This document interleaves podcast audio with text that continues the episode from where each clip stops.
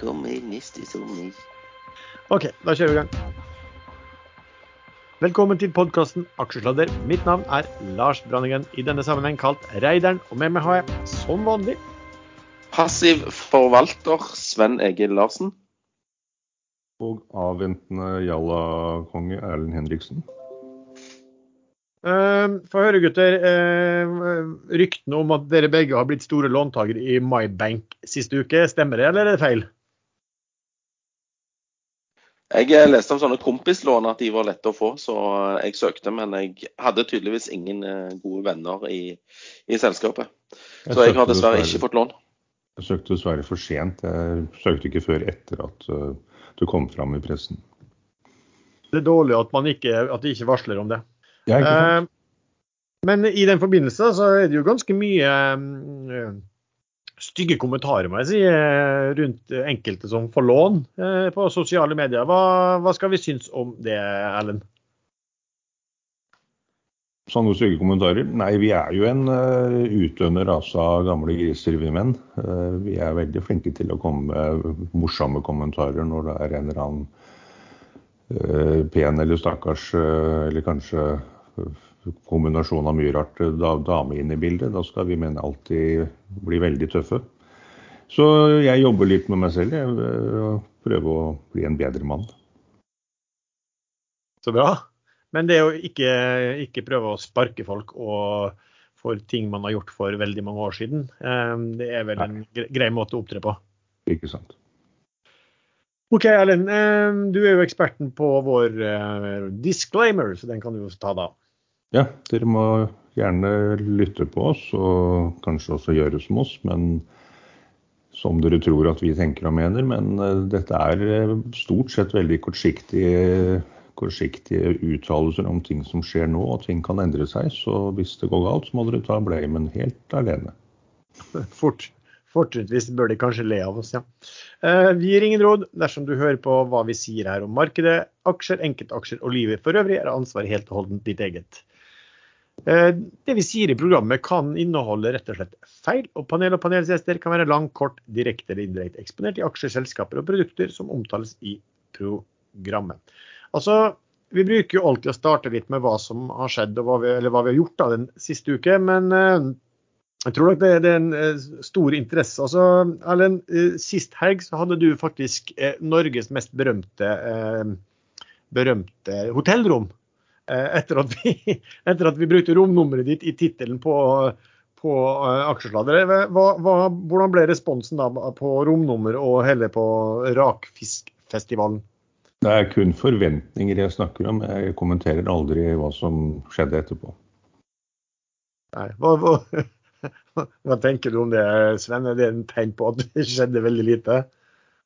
Nei, det er akkurat som i aksjemarkedet. Det, det går på forventning, og så kommer resultatet, og så blir du skuffa. Så det er vel det, er vel det eh, unge Henriksen opplever.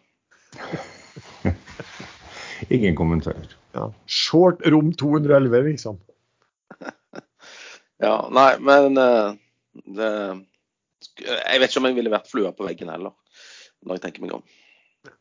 Du, Sven, sist gang så var vel du øh, vondbråten over at markedet tikker og tikker oppover. Eh, Jeg kan jo akkurat i øyeblikket trøste deg med at markedet nå er bitte lite ned fra siste, fra siste, eh, siste fredag. Eh, Ikke mye, den var, hadde en fin utvikling i uken, men så en fallende da OBX-en er nå, ned 0,65% akkurat nå. Er, er da humøret ditt litt bedre?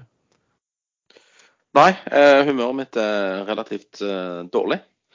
Fordi jeg har kjøpt eh, aksjer av Røkke, og det skal du da ikke gjøre. Det, det er feil, har jeg eh, funnet ut. Ja. Så, så eh, jeg, det føles ikke som markedet eh, er svakt, da.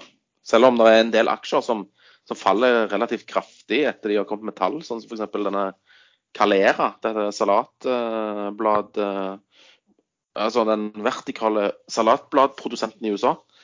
Altså De omsetter for 0,8 millioner eh, dollar i kvartalet.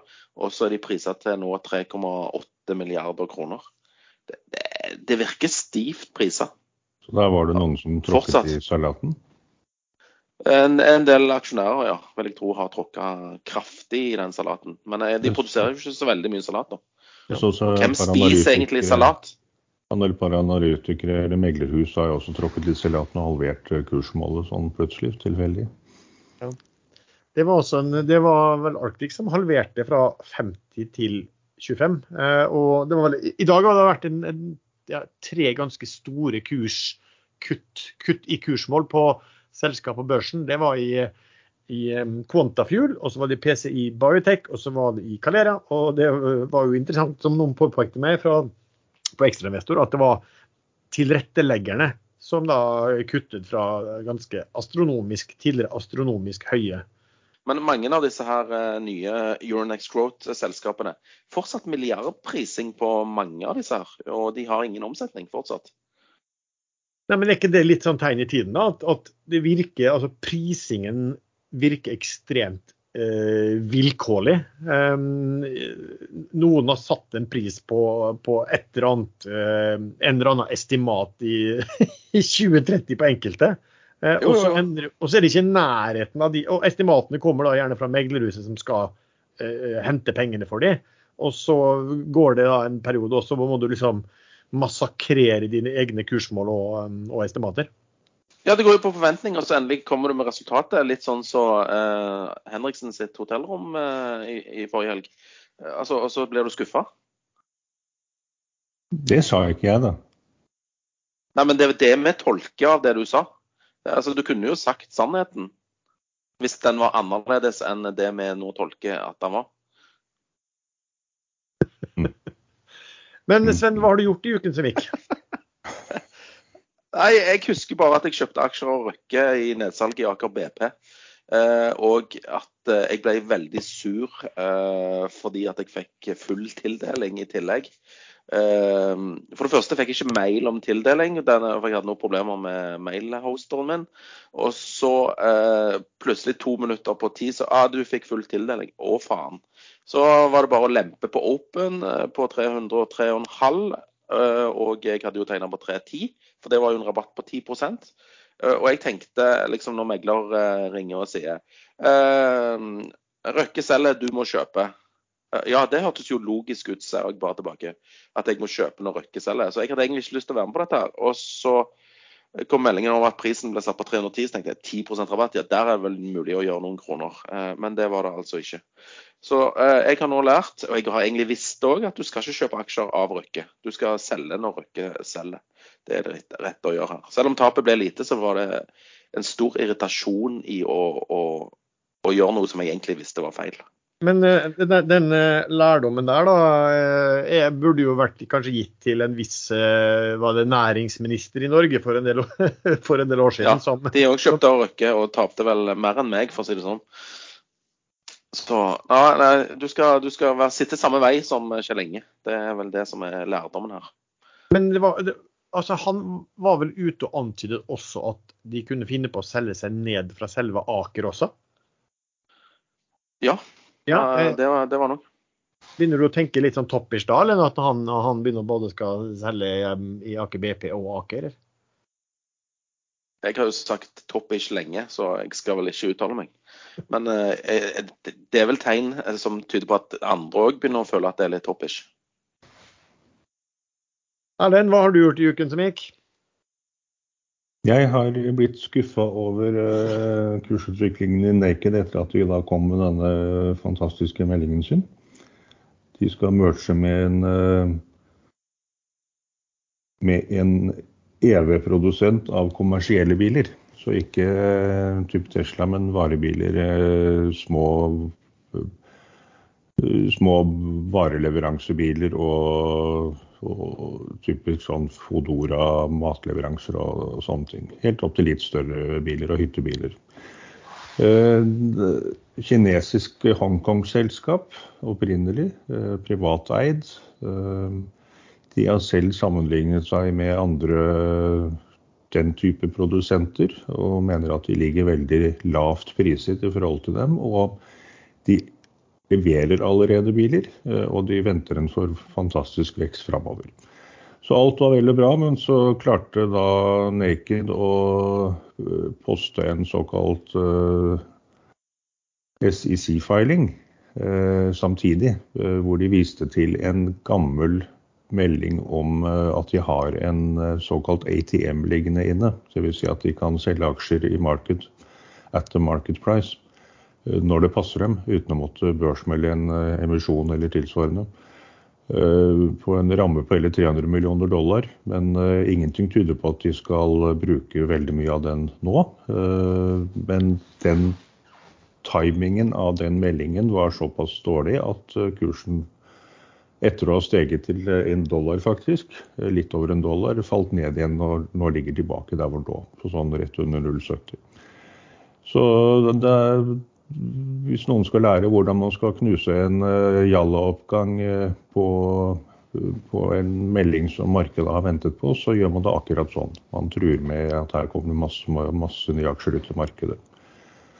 Men det kan jo fremdeles bli bra. Men det er liksom Man har one, one time chance, er det ikke det man sier? Et skudd i revolveren. Så jeg er litt sånn i avventende. Jeg ligger så vidt i minus på den investeringen. Eh, den skal ikke gjennomføres før i slutten av eh, året, så det kan fremdeles komme en eh, opptur. Få se. Utenom det har du gjort noe spesielt? Jo, jeg har kjøpt litt Idex. Nå har de liksom kjørt en emisjon og hentet inn penger, og den emisjonen ble satt på veldig liten rabatt. Ti øre under sluttkurs 2,95 dagen før. Eh, ble både fulltegnet og overtegnet, så det økte den fra 25 til 30 millioner dollar. Eh, og som alltid i IDEX så opprettholder stort sett de største eierne eierandelen sin. Så jeg har ikke sjekket nøyaktig hvem som tok, men den ligger nå over emisjonskursen. Var i går et godt stykke opp på tretallet, og det tror jeg kan eh, skje ganske fort at den drar seg oppover. De har i løpet av forrige uke fikk de godkjenning av både Visa og Mastercard på at løsningen de presenterer er bra nok eller er godkjent for deres systemer for bankkort med fingeravtrykksløsning fremover. Eh, og der er det jo snakk om de to til sammen har vel drøye 5-6 milliarder eh, kort utstedt i dag. Så hvis de får innpass der, Folk må huske på at det, betyr ikke at de har fått avtaler at de er godkjent. Det betyr bare at bankene kan, kan velge dem som leverandør til sine kort, som brukes av Visa, eller Visa og Mastercard-transaksjoner. Men det er ting som tyder på at Idex faktisk denne gangen har et produkt som, øh, som er veldig bra. OK. Um, ja, for min del ikke gjort så mye. Det, det har gjort det faktisk i Eh, i uken før tall. Altså jeg så snakket om Argeo, og så så jeg vel at eh, det virket som det var ganske store forventninger i dette kvartalet på hva de skulle levere i, på inntektssiden. Uh, og det hadde jeg vel egentlig ikke noe tro på, for at de ikke hadde, de, hadde de meldt noen kontrakter og, og, man kunne se hva de hadde i ordre uh, ved, ved, starten av kvartalet. Uh, så da solgte jeg meg ut der. i, i håp om at den kursen da skulle at det skulle bli en skuffelse for den som kaster kortene. Og det, det, har egentlig skjedd også, men den har kommet tilbake igjen nå de siste, eh, siste par dagene og tatt igjen en del av det den, det den falt. Eh, så da jeg kommer sikkert til å gå inn igjen på et eller annet tidspunkt. Eh, det kan være etter sendingen her, eller det kan være om lang tid. Jeg får bare se, se an litt og, og, og, tenke litt om det. Um, sånn sett. Um, og så har jeg kjøpt faktisk så sent som i dag har jeg kjøpt litt standard drilling, SDSD, um, også i markedet. Bortsett fra det så har du blitt bull, bull, Du er blitt bull på rigg, skjønner jeg? Uh, de holder jo ikke på med rigg nå, da. Det heter jo standard drilling. ja. SD, SD. Jeg vet ikke, Heter de standard drillingen? Heter de bare SD, SD nå? Det er jeg litt usikker på. Det det er veldig fort å finne ut av. Det kan jeg finne ut av mens du bare fortsetter å snakke om ting vi er ikke er interessert i. Ja. Nei da, jeg bare tøyser med deg. det heter SD standard drilling, faktisk. Ja. Ja. Um, så, og det, det, er ikke så altså det, det, er eh, ja, det er jo Spetalen-ledet eller ei-dominert selskap. da, og Det er hans folk som, som, styrer det. Det er et investeringsselskap. Kan, kan de har riggaksjer òg. De har Nobel blant annet. Det har de, ja. Uh, Ja, og, og det, er jo, det er en liten hendelse også, da, at de to store aktørene, som er så, to av de største, da, som er Noble og uh, Mersk, de har besluttet å gå sammen og, eh, i et selskap. Og så eh, er da Standard Drilling som eh, ganske ja, som eier en god del aksjer der, og det er i, Noble, og det forstår jeg Fred også. De syns bytteforholdet var for dårlig, så de har varslet at de vil gå imot mot det. Og Noble falt vel også i, i forhold til Mersk etter at de etter at de hadde kommet med meldingen. Men Sven, husker du, hva er det, hva er det egentlig Mersk, hva er det de egentlig heter? Det heter noe spesielt? Nei, ja, det er Maersk Drilling du snakker om, som er det Ja. juridiske navnet. Men, men eh, de Eller er det The Drilling Company of 1972 som er liksom uh, selskapsnavnet? Ja, få høre. For at han, vår danske venn som var litt imponert over dansken min, eh, han, han ville høre oss fortelle om hva det selskapet heter på dansk. Så kan ikke du ta den dansk-engelsken en gang til? The Drilling Company of 1972. Veldig bra. Jeg syns det var veldig bra. Hadde vært Erlend Arnøy, så hadde han vært nasty og sagt liksom terningkast to, men jeg gir det en femmer. Ja, apropos Erlend Arnøy. eh, Jeg var ute og drakk øl med han på fredag. Han var en av de eh, medsammensvorne der. Og jeg bare får lov å si 116 kroner for den billigste halvliteren på byen. Jeg syns det er horrible priser. Jeg kan ikke sist huske jeg var ute på byen og betalte eh, for en øl sjøl. Så det, det var et lite sjokk. Det betalte jeg på. Aker Brygge på tidlig 1980-tallet. Over 100 kroner for en halvliter øl. Så jeg syns ikke synd på det. Pussig at du skulle nevne det, mm, Sven. For nå det kom kommet fra en litt fugl som ville at jeg skulle stille spørsmål på liksom, hvilken eksklusive og, spesielle ølsorter var det du drakk når dere var ute på et sted som visstnok hadde en særdeles stor, eh, stort tilbud av ulike merker. Nei, som alle vet så er jo jeg mest glad i dansk øl, altså tu- Tuborg. Men det hadde de jo selvfølgelig ikke på tapp. Det er vel ikke så mange som har det i Norge. Du må vel helst til Danmark. Eh, Så jeg valgte et substitutt da fra Danmark som heter Carlsberg. Altså, Jeg går for de vanlige lagerølene eh, som ikke smaker altfor mye sånn blomster og, og timotei, liksom. Eller eh, mango, eller alt det der pisset de putter i ølen nå til dags. Så ja, jeg er ganske plain i ølsmaken. Men det er okay. fornuftig av deg, fordi disse, den sitrussmaken den kommer av eh, humlen de har. Og når de har mye humle, så får du den eh, ekle smaken, syns jeg. Og den, eh, den minner også Kroppen tror dette er østrogen, så når man drikker mye humle, øl med mye humle, så får du sånne manboobs og blir litt feminin og gråter lett. og Ja, jeg syns noen i denne gjengen ble litt mer feminine etter hvert som kvelden skred fram, liksom. Erlend Arnøy eh, Nei, Arnøy var, drakk vanlig øl, så vidt jeg husker. Men det var en som heter Alf eller noe. Han drakk noe der han Jeg vet ikke hva det var. Men jeg tror ikke jeg tør å nevne navnet på, på det. han holder. Du så- Du så formelig bubsen på han vokste under kvelden. Nei, eh, Alf er en eh, kjekk og slank eh, herremann som, eh, som sikkert tåler en del av det skvipet der. Du, eh, ja, og så har vi da, eh, som du bruker å være eksperten og følge med på, Sven, emisjoner, nedsalg og eventuelle debutanter. da, Men emisjoner har det vært litt av. Uh, Gram, Gram Car jeg skulle vel på børs. Der kom det aldri noen emisjon, fordi at de syntes at det var vanskelig å hente penger. Samme dag som Idex hente 30 mill. dollar opp fra 25 millioner dollar. Og så har du eh, Hvem var det som henta 700 millioner eh, samme dag? Det var eh, Nei, det var nedsalg i Aker BP, det. Ja, det, det var det selvfølgelig.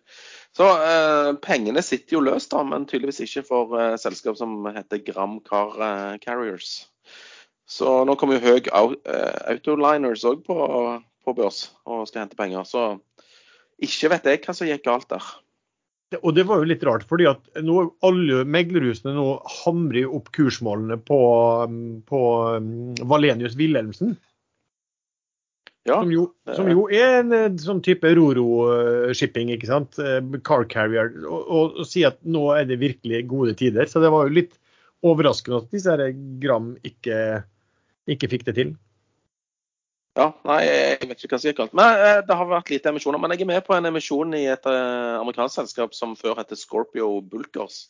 Eh, De heter nå Eneti. Eh, De har solgt alle bulkbåtene sine på bunn og satser nå på vindmølleskip. Så ja. Det er noen norske meglerhus, Clarkson og Fearnley, som er med der, i tillegg til noen amerikanske. Så Der blir det tildeling nå før børs. og Spennende å se om, om hvordan den går. Emisjonen ble gjort til 9 dollar. Han slutta vel på 10,5 i går. Så får vi se. Ja, men det er jo Vi har fått spørsmål, for det er jo to varslede emisjoner også. Eh, det ene er jo eh, Targovax, som vel har varslet at de skal gjøre en emisjon. Eh, men så er det jo også Flyr, da, som en del er interessert i. Sven, vet ja, du det, oh, ja.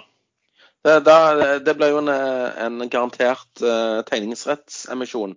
Uh, litt sånn som var i Aega. Uh, de melder at det kommer en emisjon, og det blir en tegningsrettsemisjon. Og den skal gjøres til minimum 30% rabatt fra volumveier gjennomsnitt eh, så og så mange dager i forveien. Og den er garantert av Fredelig og, og Spetalen. Jeg vet ikke om det er noen flere. Så det er samme modellen som i har, bortsett fra at det, disse flyr ikke har noen warrants. da. Men det vil jo bare presse ned kursen på flyr fram til liksom, den tegningkursen blir satt. Fordi folk ønsker jo eh, lavest mulig kurs. Så jeg, jeg syns den var litt knotete og litt eh, dårlig gjennomtenkt, hvis det er lov å si. Ja, fordi det er, jo, det er, jo, sånn at hvis du, hvis du, melder at du skal hente inn penger om en periode, og du ikke har noen, noen eh, altså Du har ikke noe prissatt eller no, noe som helst eh, klart sånn sett, så Ja, men også sier du han skal gjøres 30% under et volum i et snitt de neste så og så mange dagene. Det er jo, det er jo ikke rart at kursen faller. Eh, og eh, når det gjelder eh, ja, Men når er denne emisjonen skal settes, er det klart det, eller? Nå må jeg lese børsmeldingen igjen, så hvis du bare Nå tok jeg og muta meg midt i det jeg snakket om, så det var det dårlig, dårlig timing. Jeg skal lese børsmeldingen, så kan jo du og Erlend snakke om noe annet imens. Her er et budskap fra DNB ved Knut Johan Hellandsvik, aksjesjef i DNB Asset Management. Den første aksjen jeg kjøpte, var i en eh, lokalbank. Eh, og Den gangen så måtte du ringe eh, til din lokale megler og legge inn en ordre på telefon. Da var jeg 15 år gammel. Eh, så den gangen kunne man få kursene på tekst-TV. Og, så hadde jeg et millimeterpapir som jeg rappa fra mytteren. Og der kunne jeg plotte eh, aksjegrafen etter hvert som eh, kursen utvikla seg. Min portefølje består primært av aksjefond, og store, brede aksjefond. I tillegg til en del enkeltaksjer, og også investeringer i startup-selskaper. Um, og Grunnen til at det er nesten bare aksjer, er at jeg har en langsiktig perspektiv på investeringene mine. Minimum 20-30 år. Når man skal investere, så er det viktig å, vite hvilken tidshorisont man har på pengene. Dersom man trenger pengene om et år, så skal ikke du putte alle pengene i aksjer. Som vi lærte i fjor, så falt i aksjemarkedet ned 33% i løpet av få uker. Det kan skje. Ehm, så med kort tidshorisont, mindre aksjer, mer kanskje bankinnskudd eller i rentepapirer. Men har du en tidshorisont på mellom fem og syv år og lengre, så anbefaler jeg å putte penger stort sett i, i aksjer og aksjefond. Nå er vi så heldige å ha en app, og i DNB heter det Spare, eh, altså Spareappen. og Der kan jo du se alle dine investeringer eh, gjennom appen, og du kan handle fond og enkeltaksjer og ha full oversikt. Eh, når jeg holdt på, så var det å, å spare på eh, sluttsedler og, og, følge med på, på kursene som du fikk på tekst-TV, og bruke kalkulatoren for å finne hva porteføljen var verdt. Mitt beste investeringstips er å sette opp en månedlig spareavtale og begynne tidlig.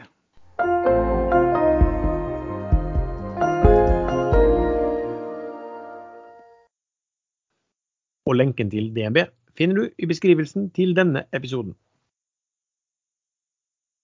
Ja, skal vi snakke om pinnekjøtt? Jeg bestilte akkurat pinnekjøtt eh, fra kokkejævel eh, på nett når dere snakket. Fra hvor, sa du? Kokkejævel heter den. Kult navn. ja, drit. Og så en kritikk, eh, noen som skrev at det er, liksom mye, det er mye dårlig pinnekjøtt, og så er det mye som er godt, men dette er helt fantastisk. Jøss. Hvor lang tid tar det å få levert det når du har bestilt det?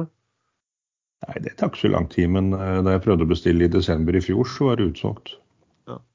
Så det blir julebordet da, til eh, Aksjesladders julebord. da, Bli med det kjøttet der, er det så?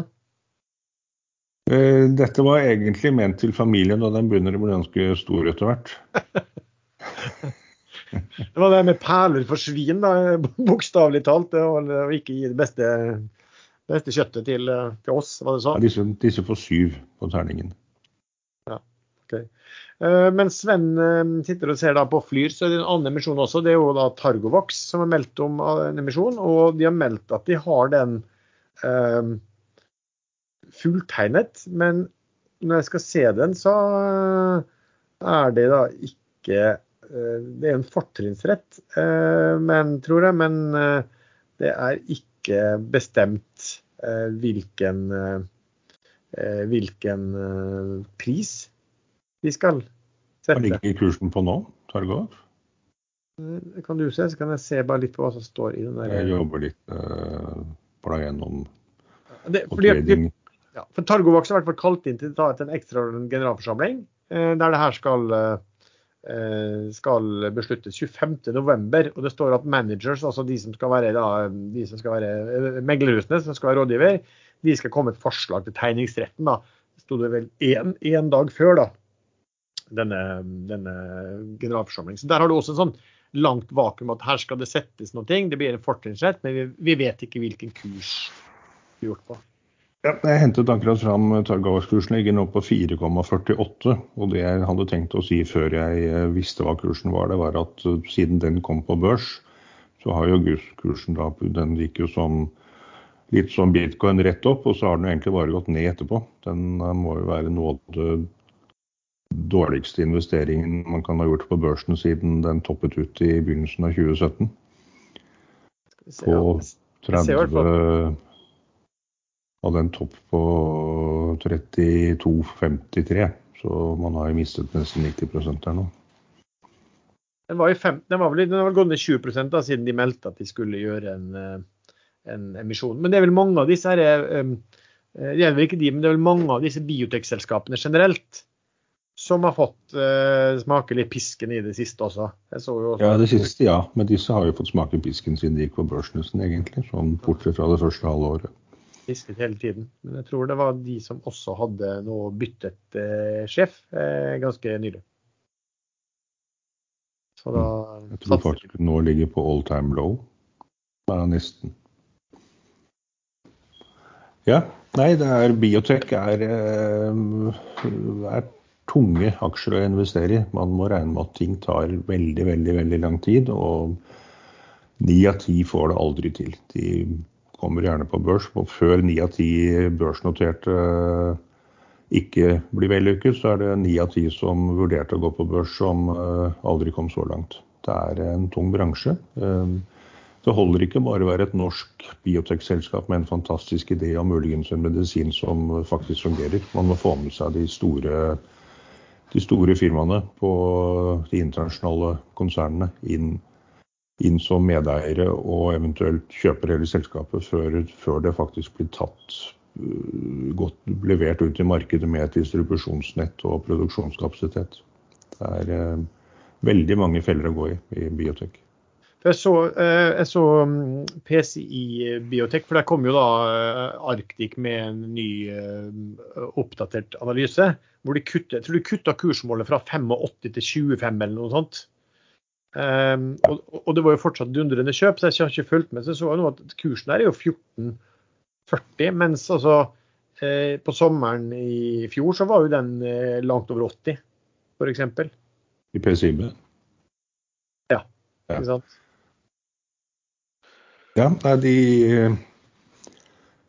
Jeg kan ikke egentlig huske hva det var. De har ikke måttet legge ned noe studie nå. Eh, For noen år siden så var kursen oppe i 30, og så gikk den ned til 5 etter at de måtte legge ned studier fordi konkurrentene tok dem inn.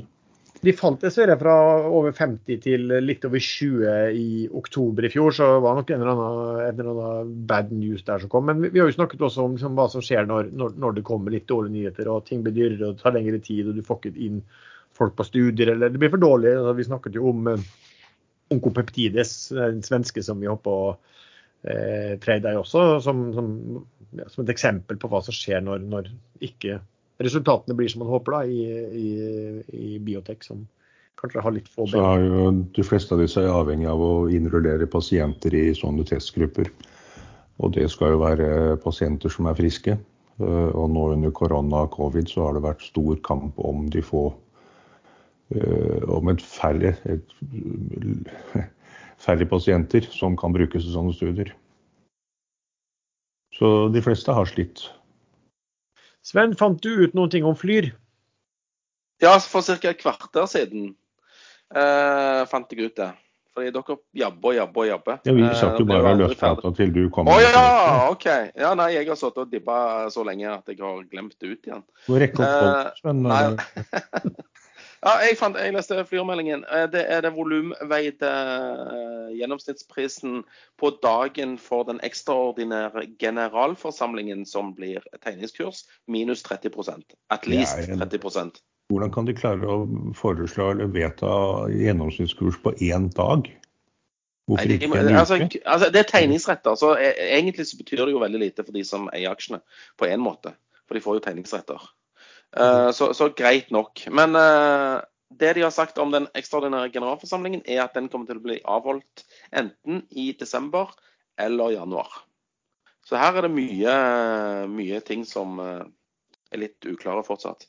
Mm. Så jeg vil rette altså litt kritikk til Arctic eh, Carnegie og Sparebank1 Markets for håndteringen av, av, denne her. da. Men det viktigste for Flyret er vel at de får inn noe penger, sånn at de kan holde, luft, holde flyene i luften litt lenger enn det de ja, eh, strengt tatt nødvendig kommer til. Altså, Jeg har vært så negativ til Flyr og tror det går konk uh, uansett. Men uh, nå forlenger de litt som levetiden litt, i hvert fall, med å hente disse pengene. OK, da har vi sust gjennom uh, den biten der. La oss gå over på et annet tema som overhodet ikke er nytt. Uh, I uken så kom det også da nye inflasjonstall. Nå hadde jo vært høye før, og, men det hadde til dels vært som ventet. Men nå fikk du vel en, skulle, nesten en sånn eksplosjon i, i inflasjon, hvor year over year var oppe i 6,2% Forstår jeg. Sven, du bruker jo å følge med på det. Hva, hva så du av tallene? Jeg så at det var venta 5,9 på eh, headline-tallet, og det kom inn på 6,2. Kjerneinflasjonen var det 4,3, eller var det 4,2? Uansett milevis over eh, målet på 2 da, som, eh, som Fed har langsiktig. og leiekomponenten, altså husleiekomponenten, som ikke er husleie, men en slags uh, ja eh, en teoretisk utleiepris er det vel egentlig. Den eh, begynner å, å gå opp. Så, og den viser vel òg at inflasjonen kommer til å stige litt mer på, på den biten framover, i hvert fall. Så ja, eh, inflasjonen begynner å stige mer enn forventa. Og Fed har vel slutta å bruke ordet 'transitory'. Eh, selv om de gir vel uttrykk for at det fortsatt bare er midlertidig. Men jeg vet ikke om, om, om, alle tror på dette lenger. Det blir spennende å se hvor, hvor høyt dette skal. Men, men renta forblir null. Men uh, oddsen for uh, renteøkning i 2022 har falt betydelig. Så de forventer det kommer to uh, renteøkninger i USA til neste år, i hvert fall. Altså, det, det, som var også litt spesielt å se, var at hvis du ser bare på én måned, som er jo kort tid, så var altså økningen 0,9 fra forrige måned. Altså, da, hvis du begynner å gjøre det om til et år, så snakker du jo om liksom, eh, over ti, godt over 10 da. Eh, og det som blir spesielt da, hvis, hvis det øker seg, det er jo hvor, altså neste måned igjen, hvor mye økte prisene måneden for tolv måneder siden kontra måneden nå. Det ser vel ut som at økningen er økende på en måte. Det vil si at Da skulle man tro at headline-tallet blir eh, klart over 6,2 da, eh, neste måned også. Eh, men jeg, så også den der på, jeg har vært opptatt også av den der shelterkost, for at den utgjør den teoretiske bokostnaden. For det utgjør ca. en tredel av, av, av, det man da regner som inflasjon. Og den er opp, den er opp bare 3,5% på et år.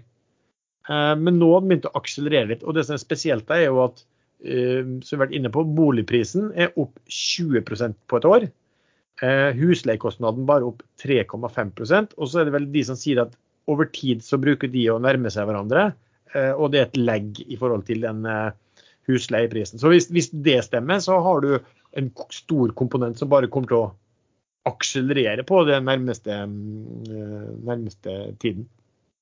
Men, men, hva skjer med reallønnsveksten til disse arbeiderne der borte i USA, da? Altså Si at uh, de får økt lønnen sin med 3% og så kommer inflasjonen og spiser opp uh, 6 Altså De har jo en minus 3% reallønnsvekst, da. Og det er jo ikke holdbart i lengden. Nei, og nå så du også da at eh, du så han eh, Biden var ute og, og skrev altså, ja, Er det mulig, liksom? De, de, de, hva de skriver, disse politikerne og, og presidenten, liksom. Fordi at han, han, ga uttrykk for at det var liksom et prioritert mål for han å slåss mot inflasjon. Og oppførte, fulgte opp med at det beste man kunne gjøre, var å vedta en nye, ytterligere en sånn tiltakspakke et, ja, Gi de mer penger, liksom. Ja, det var, for det skulle få ned, det skulle få ned liksom eh, eh, Få orden på, på tilbuds... Eh, på, på, varestrømmen og alt dette her, da. Sånn at det skulle få inflasjonen ned. Altså eh, det er da, er da man lurer på hva man egentlig har lært på skolen. At eh, dytte inn mer penger når prisene er på vei opp. At det, det skal føre til fallende inflasjon. Det har jeg aldri skjønt før, men eh, OK. Jeg sier egentlig minst mulig, for i sommer så var jeg helt overbevist om at inflasjonen øh, det kom til å roe seg i løpet av høsten. Og da husker jeg at jeg sa at Pål Ringholm tar nok feil når han tror at dette blir et varig, lengrevarende fenomen. Men Pål fikk rett der. Uh, men han hadde, han hadde en del forbehold i utsagnet sitt, så han var ikke 100 han heller. Men jeg fikk i hvert fall 100% feil. Jo, men det, det er jo men, men, ja, vanskelig å spå, da, Erlend. Det må jeg si. Men vi, som leser disse uh, daglige morgenkommentarene til Ringholm, så han er blitt ekstremt uh, klar på at dette skal til helvete, uh, og ganske kjapt. så det er litt spennende å se om han får rett nå. Ja, kanskje Røkke hører på ham? ja, ja, det kan jo, det, det kan jo være. Men altså, det, det her er jo, er jo nå, nå, la jeg ut i morgenbrevet vårt en, en, sånn, en sånn, graf. Jeg, jeg, viste dere også, for det var ganske interessant. da, fordi Det var en graf som viste liksom hvordan, hvordan det har sett ut igjen de siste 50 årene. Eh, og det er jo sånn at Hvis du låner ut penger, da, så vil du jo gjerne at eh, pengene når du får dem tilbake, at du i hvert fall ikke skal ha tapt på det. Altså at de skal dekke prisstigningen. Og Sånn har det jo vært egentlig på fram til 2008, altså finanskrisen.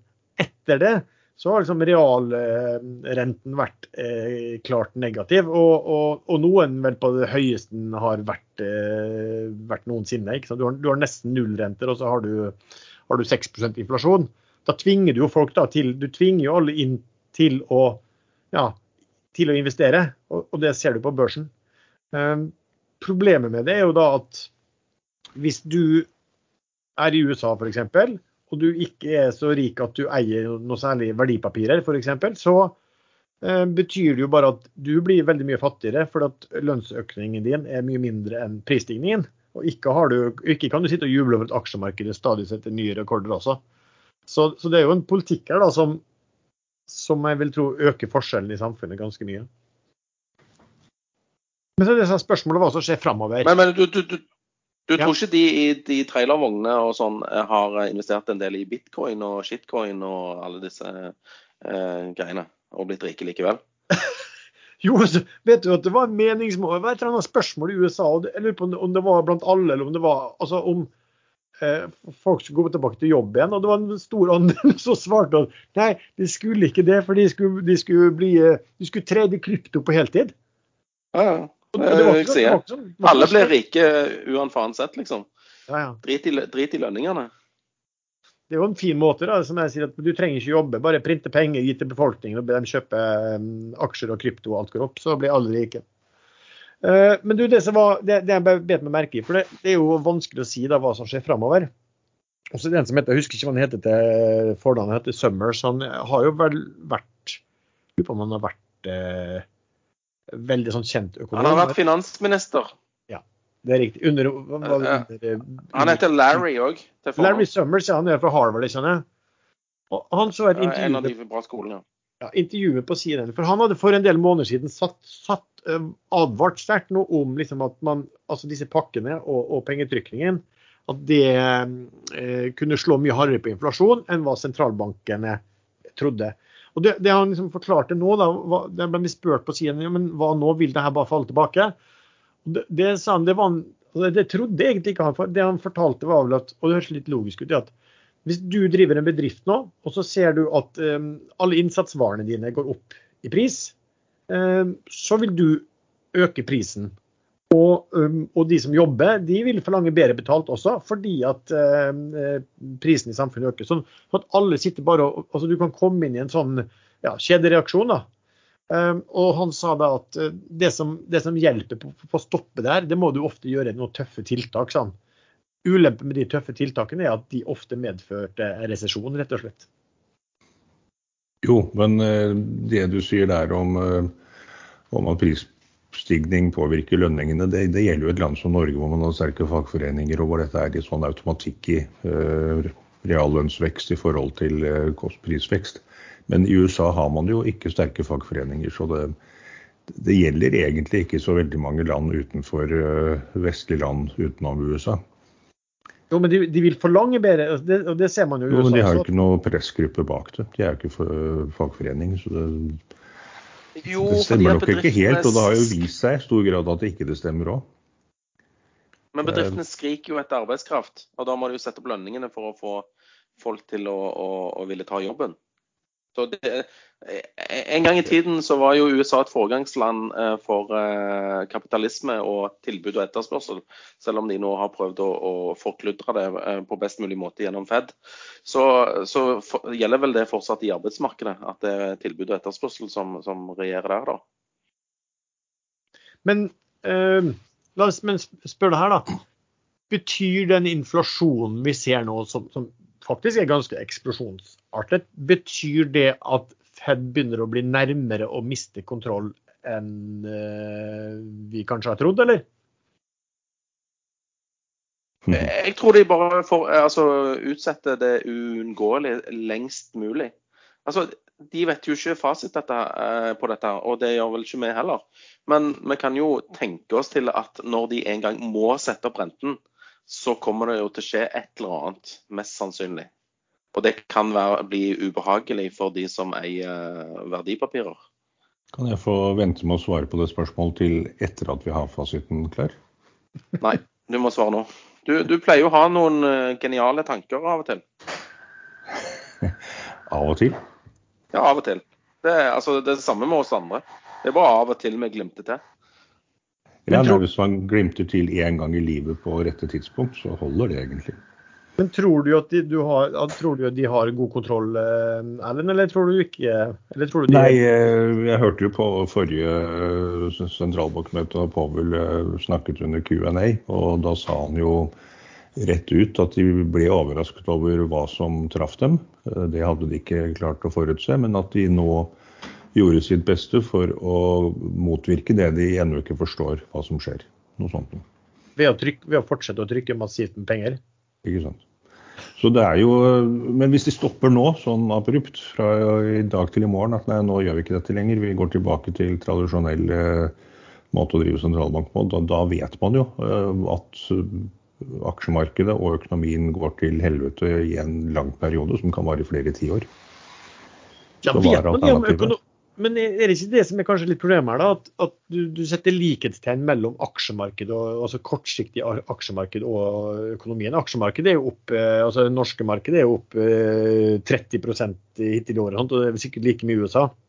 Hvis, det hadde vel ikke, sikkert ikke vært veldig dårlig i den økonomien hvis aksjemarkedet bare hadde vært opp 5 Nei, det er et sånn sett frakoblet. Bortsett fra at du gjør noe med evnen for selskap til å kunne hente inn penger når de trenger penger. Det er sant. Um, jeg synes det er så en artikkel, og jeg tror det heter China Times. Det er vel sånn offisielt eh, sånn, uh, offisiell avis i Kina som da styres med den, Man følger med på det fordi at det, det, det som skrives der, er gjerne det som er partiets mening. Uh, og det, det, det, skrev de om uh, at amerikanske sentralbanken da, hadde, hadde highlightet liksom, kinesisk eiendomssektor som en uh, mulig risiko framover. Og da skrev de veldig klart at, liksom, at amerikanerne de burde bare se på seg selv. Og da skrev de, jeg vet ikke om det er riktig, men de, skrev at at amerikanske statsgjeld nå utgjør ca. Sju, sju ganger så stor som inntektene på statsbudsjettet. Eh, så jeg ikke å sjekke om det var riktig, da, men du kan tenke deg at hvis du eh, hvis renten da øker med 1 eh, så betyr jo det per definisjon at 7 av inntektene dine altså, må gå over til å dekke bare økningen i renter. Og øker det med 2 så har du 14 av hele budsjettet som skal dekke, dekke renter før du kan begynne å gjøre vanlige ting. Så det, så det, sier jo litt om at de kan jo ikke sette opp renten noe særlig. Ikke mye i hvert fall, nesten uansett. Og det er vel der de har kanskje hjørnet de har malt seg litt inn i, da, både sentralbank og, og stat. Eller kan de, Sven? Jeg vet ikke hva de kan og ikke kan, men du ser jo på vanlige, eller på normale økonomier, da, som f.eks. Norge. Der har jo sentralbanken begynt å sette opp renten og signalisere videre renteoppgang. og Det samme gjør de i New Zealand. og Jeg husker ikke om Australia òg har hevet seg på dette. her, Men, men i normale, eh, normale, økonomier der de ikke har pumpa opp eh, altså sentralbankens balanse, som de har gjort til dels i EU og i eh, USA, så, så, så, bruker de de tradisjonelle virkemidlene for å, å, å motarbeide inflasjon og sånn. Så ja, jeg vet ikke. Det, dette er jo et eksperiment som både ECB og, og, Fed har eh, påbegynt, som de ikke helt vet hvordan de skal slutte, tror jeg. Mm. Så vi får se. Det var i hvert fall morsomt å se at Fed advarte mot liksom høye asset-priser. Da, og da tenkte de altså på, på, aksjer og obligasjoner og boligpriser. Og det var litt morsomt at de som har presset prisen opp, advarer om at prisene har blitt høye? Ja, men det er, jo fordi at de, det jo fordi at de vet at når dette smeller, så smeller det ned eh, i verdier på disse verdipapirene. Så altså, da har de i hvert fall sagt fra. Ikke sant? Mm.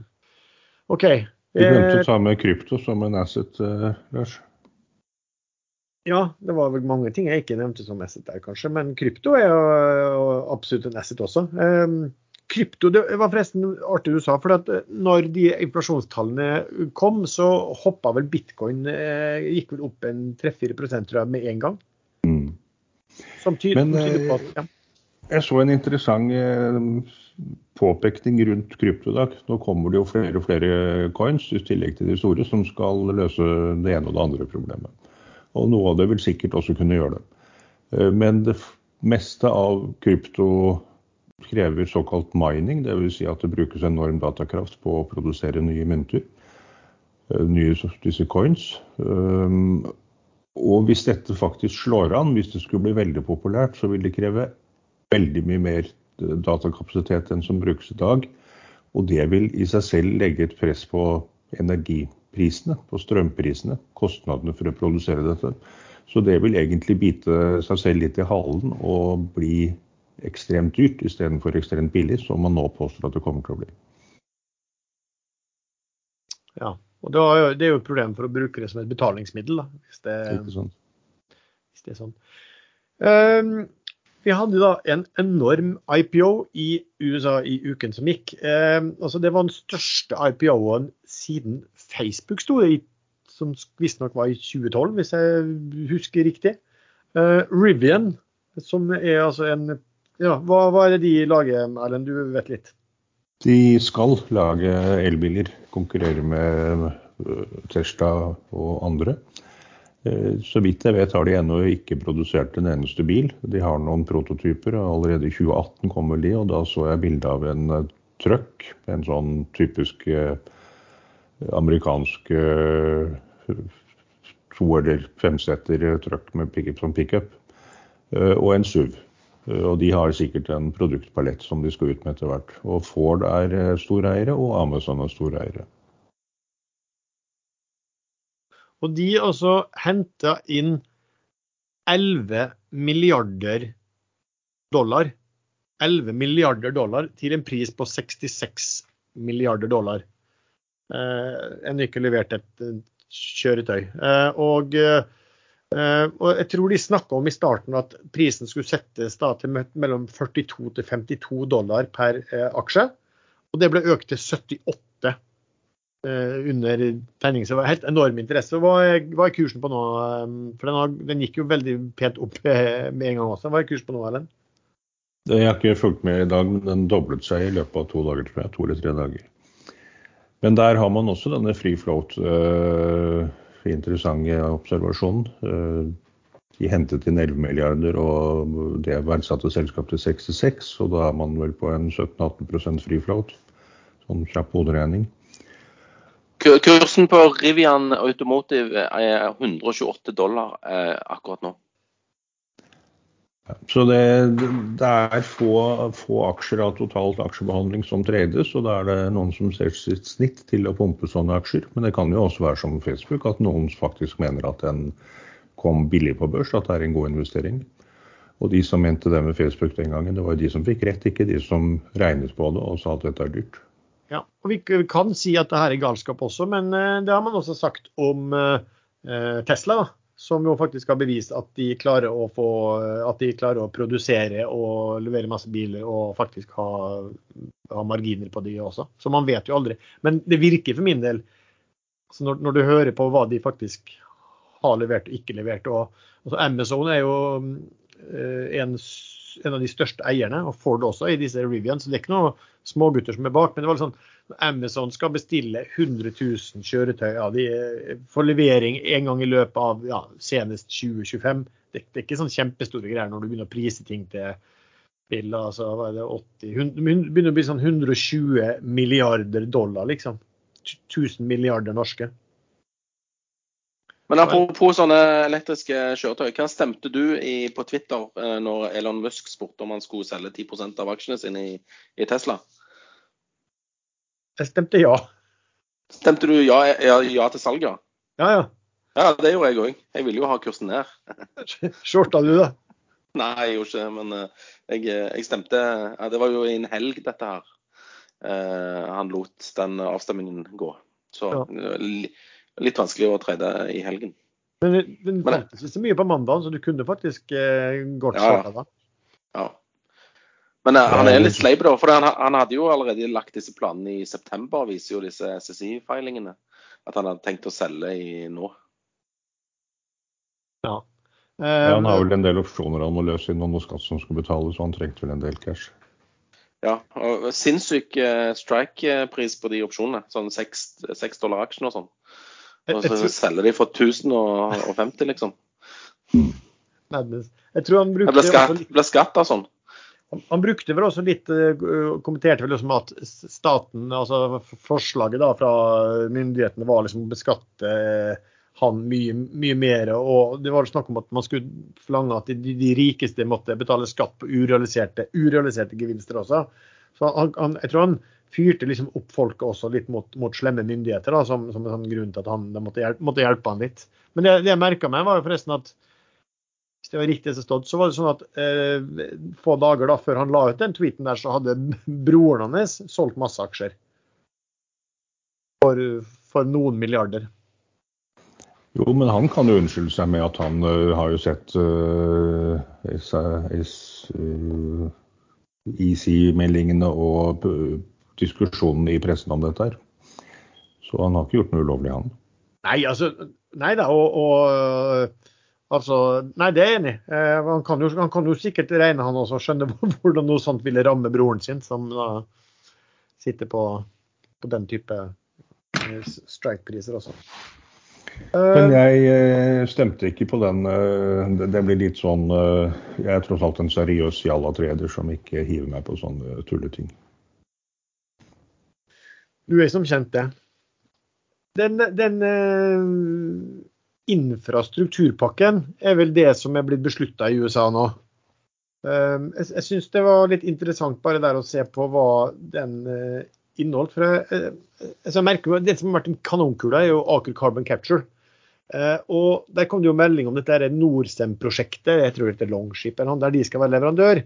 Der, der liksom man, De har jo ikke satt i gang det, men det er vel sånn at nå ser kostnadene ut til å bli nesten 30% høyere enn tidligere estimat. Myndighetene er jo inne her, så de tar sikkert, sikkert det uansett, men, men, det står jo alltid litt, litt da, i fare også. Men likevel så steg den 5 eh, og dette var vel egentlig nesten alle de eh, inntektene Aker Carbon Capture eh, hadde, fått, hadde i estimatene for 2022. Men det som var litt interessant, da, når, når det, det, var jo at denne infrastrukturpakken i USA, som nå Biden skal skrive under vel eh, på mandag, den har vel gått gjennom begge kamera, eh, de satser jo i USA også. De hadde satt av 10 milliarder dollar til å utvikle teknologi for karbonfangst og karbonbruk og karbonlagring.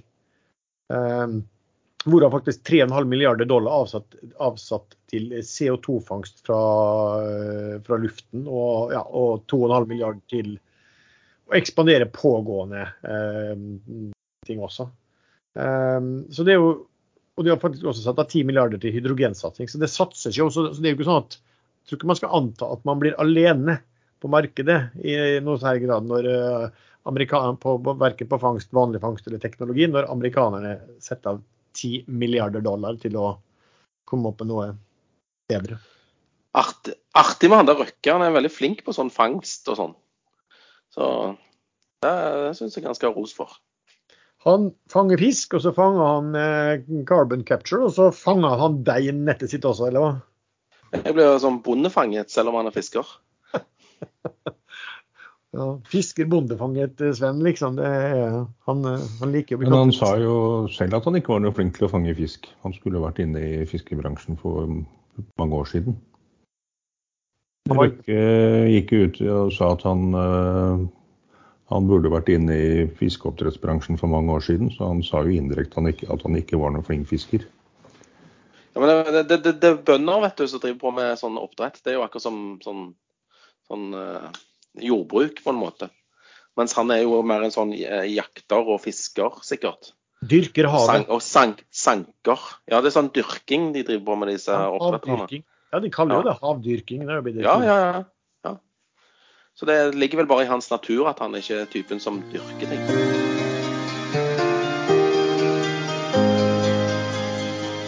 Denne sendingen er sponset av IG.com. Denne uken vil IG gjøre dere oppmerksom på IGs opsjoner som finnes på indekser, råvarer, valuta, sånn som Sverige 30, olje og euro i forhold til dollar, samt en hel del andre internasjonale markeder. Om du ikke tidligere har havnet med opsjoner, så kan du nå gjøre det med IGs demokonto, som gir full tilgang til deres handelsplattform. Åpne en konto i dag, last ned appen eller besøk ig.com. Husk at handel med finansielle instrumenter innebærer risiko. Og Lenken til IG finner du i beskrivelsen til denne episoden.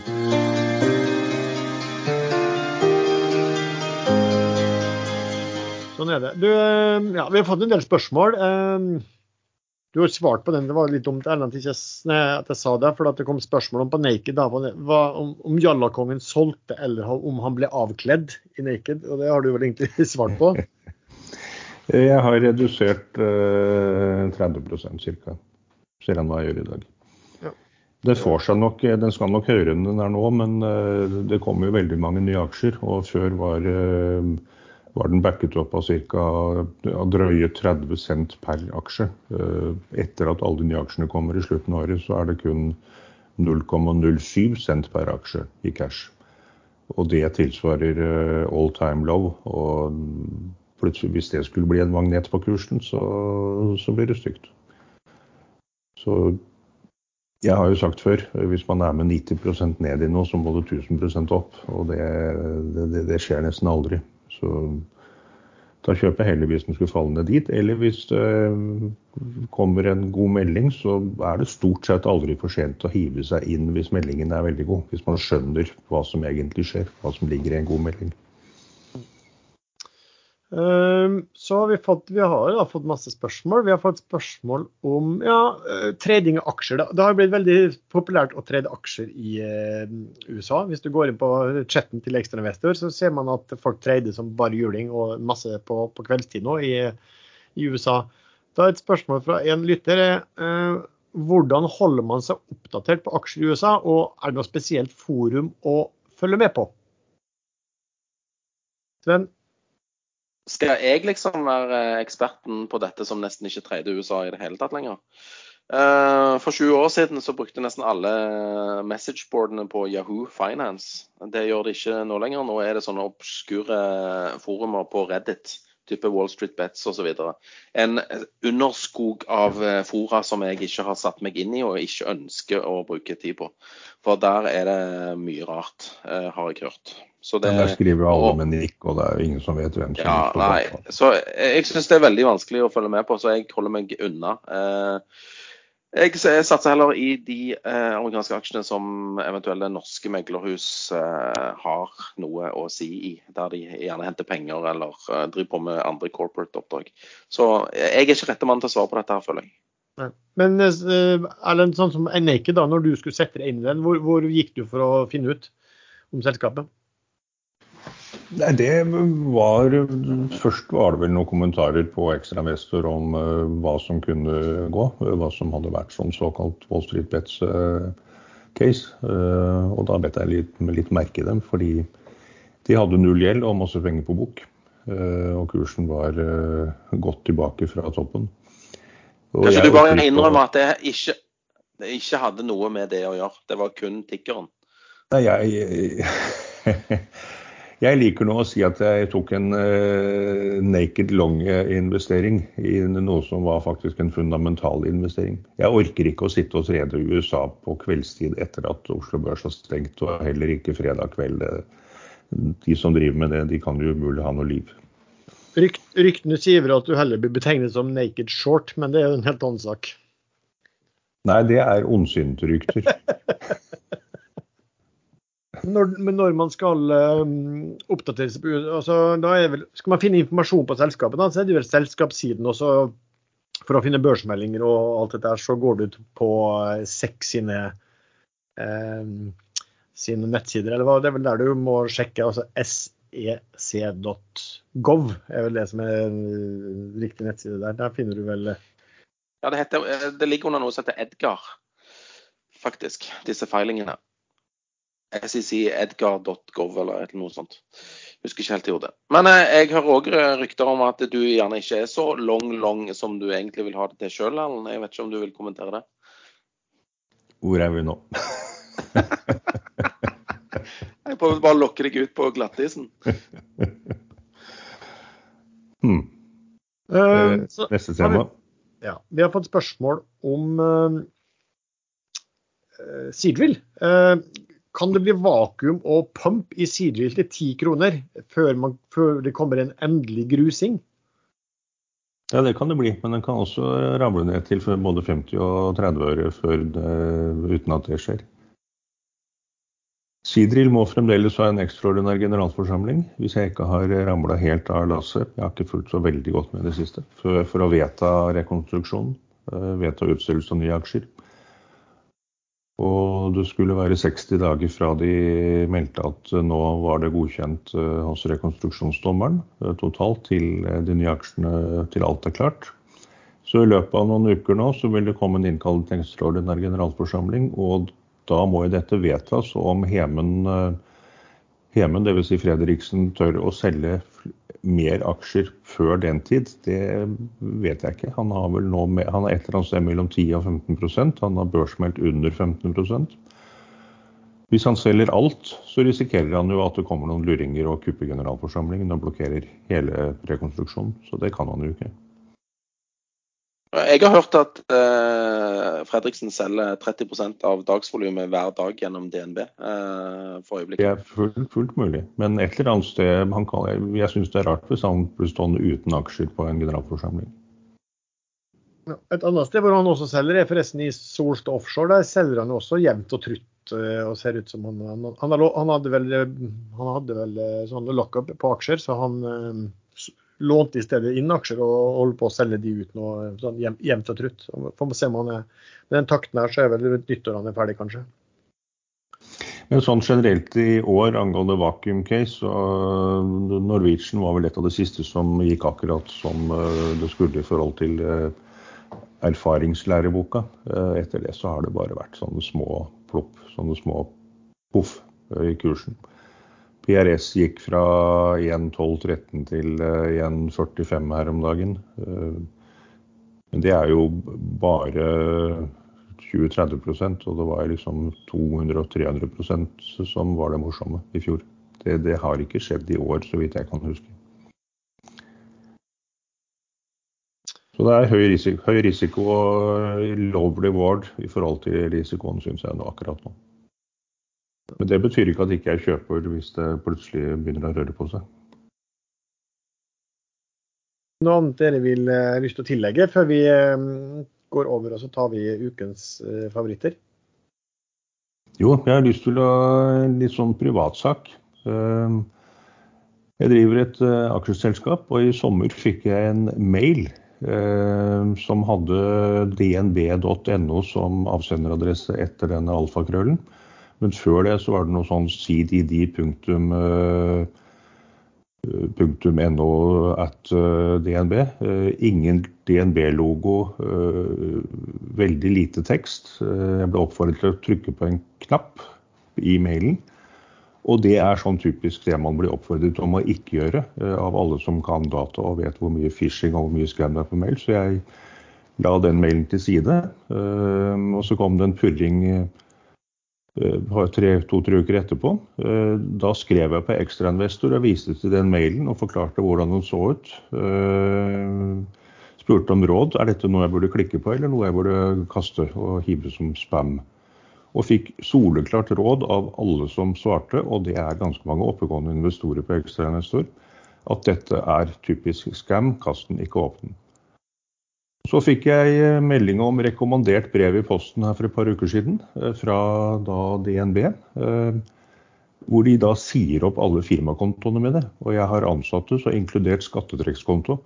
Og du har ikke lov å drive et aksjeselskap med ansatte i Norge uten skattetrekkskonto. Så det vil si at det i prinsippet gir meg yrkesforbud. Fordi jeg fulgte alle råd om å ikke åpne opp noe som høyst sannsynlig kunne være scam.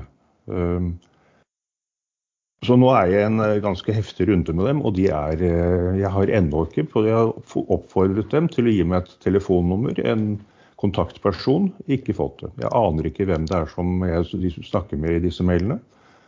Jeg har bedt om å få en løsning hvor jeg kan gå inn, logge meg inn i nettbanken på DNB, på firmakontoen i DNB, og gjøre alt via nettbanken etter at jeg har logget meg med BankID, og det har jeg ikke fått. Og det ligger heller ikke noe mail i postkassen i DNB. Så dette er helt håpløst i 2021 å prøve å sende mail og be om konfidensiell info via en eller annen trykknapp. Det, sånn er ikke mulig å være. Hvis noen i DNB hører etter, så går det ikke an i dag. Alt skal gå via nettbanken og via bank-ID. Bank dette, dette virker helt fishy. Uh, den oversikten du fikk, de sier opp alle konti. Var kontonumrene i den uh, mailen? Ja, kontonummeret var der. Ja, det er jo litt sånn uh... Men det brevet fra DNB, som det rekommanderte brevet, ingen signatur. Uh, ingen, uh, det var en DNB-logo oppe i venstre hjørne, men til og med det kan jo være fake. Det kan være en veldig avansert phishing hvor jeg gir fra meg alle data til firmaet, og så er plutselig alt tappet. Så da kan vi egentlig bare oppmuntre det er sikkert noen fra DNB som hører på det her. Da kan de hjelpe en god kunde, så blir han sikkert glad og fornøyd, eller hva? Ja. Sven, hva har du som eh, noe spesielt du ser på, eller har noen favoritter for uken som kommer? Akkurat nå holder jeg på å skal bli kunde i Danske Bank, eh, for de har noen eh, litt kule IPO-er. Her ser jeg. Eller får jeg hørt. Jeg har, I Finland bl.a. Så jeg holder på å skal regge meg der. Nei, når det gjelder norske aksjer, så er det Havila Kystruten som jeg fortsatt like. Eh, fordi at nå har det første skipet satt eh, seil mot Norge. Eh, altså ikke seil, men er retning Norge. Og jeg tror fortsatt at den med tid og stunder Dette er ikke noe sånn ukesprosjektopplegg. Jeg føler det er en av de billige aksjene som fortsatt finnes. I tillegg så har jeg kjøpt tilbake de null-aksjene som jeg solgte over 11. De har jeg nå kjøpt tilbake på lavt nitall. Så, sånn går nå dagene. Jeg venter det kommer nyheter. Jeg håper ikke det blir en emisjon på fem kroner, eh, for da faller jo aksjen. Så jeg håper det blir noe om det jeg snakket om eh, for eh, to episoder, episoder siden, med TransOcean. En eller annen kombinasjon der. Så det er de to jeg liker i Norge for øyeblikket. Ellers så er Aega på 1,70 sikkert helt OK å kjøpe. Nav rundt 2,05 etter emisjonen. Så hvis den faller litt videre der, så kommer jeg til å kjøpe den òg. Men i null så kan man vel fort risikere at det kommer en uh, en rettet emisjon og ikke en fortrinnsrettet emisjon, hvis de henter penger? Det kan godt være. Eh, og da er det sikkert lurt å være med på den. Mm. Du skal ikke til null lenger? Nei, han, kommer, han skal jo til null til slutt, da. Men uh, det er noen omveier om noen uh, litt høyere tall. Det er ikke 32 du pleier å si? Uh, jo, jeg har kursmål 32 der. I den òg. Erlend, hva har du for Hva ser du på? Jeg er litt avventende, litt i tenkeboksen hva jeg gjør med Naked. Jeg regner nok med at jeg kommer til å redusere videre i dag. Så har jeg tatt litt Idex. Jeg forklarte jo det i stad tror de har et produkt som faktisk kan funke. Og de har nå hentet inn de pengene de trenger for det neste halve året, fram til de mener selv at de er eh, break-even eh, cash-positive. Det vet man jo aldri om slår til. Historikken tilsier ikke at de skal få det til, men det er ting som tyder på at dette er mer håndfast fisk. De har jo da samarbeidet med Swipe om denne, denne fingeravtrykksløsningen. Så så må man følge litt med på Swipe også, hva de, hva de melder. De melder stort sett samtidig, for det, det, ene er avhengig av det andre. Og så tror jeg, uten at jeg har kjøpt noe der ennå, så tror jeg faktisk at en Search Micropower, som tidligere het Tinfilm, som nå driver med disse mikrobatteriene, at de også nå begynner å nærme seg en periode hvor de vil få eh, kontrakter på levering av, av disse løsningene, sånn at kundene kan teste det ut litt mer, litt større kontrakter litt større volum. Så den kan plutselig gå. Den har eh, stabilisert seg rundt sånn pluss-minus 70. Nå ligger den på 0,75. Så det er en sånn aksje som stikker. Den var oppe på 1,25 eller noe sånt før den falt tilbake sist. Ellers så følger jeg med på Onkopeptides ABM. Den, har ikke vært, den var nede på 482-92, så da fikk jeg ikke kjøpt den. For jeg skal ta den hvis den faller under 474. Nå ligger den på 530 ca. Og det er egentlig det jeg følger med på nå. Uh, OK for min del. Du, det jeg glemte å si faktisk når jeg så på, liten på lista mi, var at jeg hadde jo vært inne i Naked eh, selv også, med, med litt. Grann, eh, og der gikk jeg ut på stopplås og gikk ut eh, der. Det var vel egentlig litt for å, å, å satse på etter dag én, når den falt mye tilbake, at kanskje de ble gjorde ferdig disse ATM-kjøpene som de måtte gjøre i løpet av en, en, dag eller to, men det så ikke sånn ut. Uh, I uken som kommer, så har Subsea 7 uh, kvartalstall. Sist kvartal så var de veldig dårlige, og eh, da falt kursen mye. Eh, jeg har en del der fra før nå, og jeg sitter og lurer på Kan være at jeg kjøper meg opp eh, en del der. Når det gjelder kvartalssending, kan vi jo si noe det kvartalssending, men i dag så hadde vi faktisk Elliptic Labs som hadde sending via ekstrainvestor. Og på, i uken som kommer, så kommer vi til å ha Q3-presentasjoner for både Huddlestock og Cyvis. Men først er det altså Det er vel torsdag og fredag, men først er det da Subsea på Jeg tror den kommer på onsdag. Eh, ellers så er det litt at jeg er um, urolig for hva som skjer. Jeg vil være i mer likvide aksjer. Og så vil jeg de har, Nå har jeg også kjøpt av um, Wilhelmsen, som har sett uh, veldig bra ut, og, og som faktisk er 50% på eh, rabatt på underliggende verdier. Det, det, er utrolig for et eh, investeringsselskap, men sier kanskje litt om troen på, på Wilhelmsen-ledelsen også, dessverre. Men der, der, har jo da største underliggende verdi, altså, som er da Valenius Wilhelmsen, har jo steget kraftig nå de siste dagene. Og egentlig har ikke uh, Wilhelmsen holdt tritt. sånn at der har jo da rabatten blitt uh, enda større, selv om den har steget uh, Eh, veldig pent. Jeg lurer på kanskje ned opp i nesten 10% på uken på Wilhelmsen Holding, altså VVI. Um, ellers så ja, Saga går uh, oppover i dag. Ikke så mye å si på den, for de tallene vet man. De, uh, de har veldig stor cashbeholdning ennå. Det blir veldig spennende å se uh, når de begynner å gjøre noe. Ellers så det nye som jeg har kjøpt litt, det blir, bli litt lignende Saga som et investeringsselskap med flinke folk innenfor grønt. Så har jeg kjøpt eh, litt eh, SDSD. Årsaken er vel enkelt. Der er, var verdiene nå, når de rapporterte i uken, eh, ca. 1,60 1,61 regner ut per aksje. Eh, Og den får du kjøpe da på 1,4. Du er det 12-13 av eh, rabatt på underliggende verdi, og så forvaltes det av eh, folk som er ganske flinke rundt Spetalen-systemet, og som, som gjør mye også utenlands. Selv sitter man og ser på kanskje oljeservice og en del sånne ting eh, i Norge, men disse her har jo mye, mye større nett og eh, styr, mye større oversikt over, over hva, hva man kan investere i. Så jeg satser på at de eh, ja, finner noe som er bra.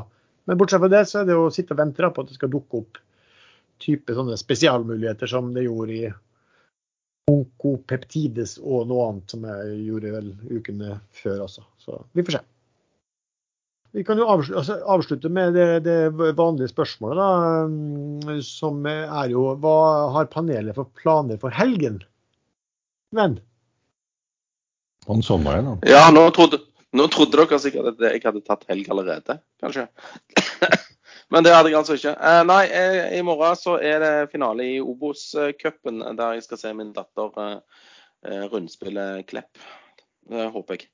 Eh, ellers eh, Nei, jeg vet da sånn, jeg. Det skjer lite ellers. Og du Erlend, hva skal du finne på? Familiemiddag, og familiebursdag og koselig. Koselig, avslappende helg. Så med det her også, etter når vi er ferdig med dette her, så har jeg da den eh, behagelige oppgaven å måtte høre gjennom, sjekke at det ikke er noe galt, eh, klippe bort hvis det blir sagt noe tvilsomt, som det jo skjer i store mengder. Sånn at eh, når, du hører dette her, så vær trygg på at det ligger, det ligger mye i klippearkivet. Eh, men så er det vel også da farsdag på søndag, så jeg satser jo på at man kan ha noe hyggelig med familien da. Sven, merker du noe til at mye jobb med denne klippingen og redigeringen? Eh, ja, jeg syns han er veldig treig eh, med å, å, å, å gjennomføre klippearbeidet sitt. Jeg vet ikke hva det skyldes, men eh, det kan være aldersbetinget. Sett. Nei da, jeg syns, jeg syns du er flink, jeg, Lars. Ta den tiden du trenger. Vi, stiller, vi, vi, vi forventer egentlig ingenting. Vi, altså, vi er bare glad du, altså, for hver episode du klarer å få til. Han bor jo ute på Nesodden, og der har de vel ennå ikke lagt opp sånne datalinjer og sånn. Det blir jo stråling problematisk problematikk. Nei, han har sånn mod, modem som sier altså når han liksom kobler seg opp. At noe kommer ut i det hele tatt, det er nesten en, en prestasjon. er det du Ja, jeg blir like overgitt hver gang. Å ja, ja, klarte han pinlig denne gangen òg. ja, Må Men eh, har vi satt noe sluttdato for dette prosjektet? Eh, eller hvor lenge skal vi holde på, liksom? Nei, Altså, så lenge folk eh, hører på, så ser vi jo bare Eh, det var vel ikke det som var svaret. Det var vel så lenge noen annonsører gidder å betale. Det er Å, ja. det rette svaret her, tenker jeg. Det var, og det var sånn det var. Men vi, vi, nå begynte vi jo uten annonsører, da. Hadde hadde det hyggelig da også. Så eh, ja, jeg tror nok det, vi, vi får gå på lytterne. Jeg vil, på, jeg vil påstå at vi hadde det hyggeligere uten annonsører. Nå er det pengene som snakker, og ikke, ikke oss selv, liksom. Pengemakta som rår, og gutta på gulvet freser ut. Ja, Vi blir tvunget til å si politisk korrekte ting. Og det vet jeg ikke om jeg har så lyst til å være med på så mye lenger. Det Nei, få det ut, da, Sven. Hva er det du egentlig har lyst til å si? God helg hadde vært en fin begynnelse. God jul, men du får ikke lov til å si jul lenger. er det sånn? Nei, happy hanukka. Jeg vet da faen, jeg. Jeg tror vel ikke, for Tilbakemeldingen er vel at vi kanskje ikke oppfattet som de mest politisk korrekte podkastene i det norske podkastuniverset, men det, det, det tar vi godt med glede til oss. Og med det så takker vi så mye til deg som har lyttet på denne episoden. Eh, ja, Hvis du vil chatte sammen med oss og masse andre galninger, så kan du gå inn på chatten på Ekstrainvestor. Vi har også en egen gruppe som heter podkasten Aksjesladder på Facebook. Ellers kan vi tillegge at Ekstrainvestor har fått nye nettsider. Gå gjerne inn på ekstrainvestor.com og se på hva vi holder på med og tilbyr for tjenester. Musikken er som, laget, er som vanlig laget av sjazz.com, og vi høres. ville, folk ville vi skulle snakke om metaverse, skjønner du Sven. Men jeg, jeg tror Ja, det kan jeg ingenting om. Ja, det er bare det meta-greiene. Jeg forstår nesten ikke hva meta Metaverse er vel egentlig det Musk sier at vi faktisk lever i. Han, han mener at det er 1-50 milliarder sjanse for at vi ikke lever i en datasimulasjon. Simul simulering.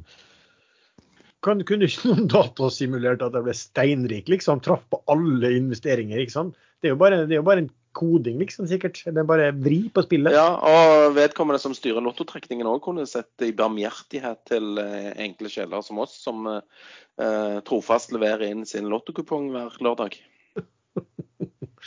Gråter i lenestolen. Sånn er det.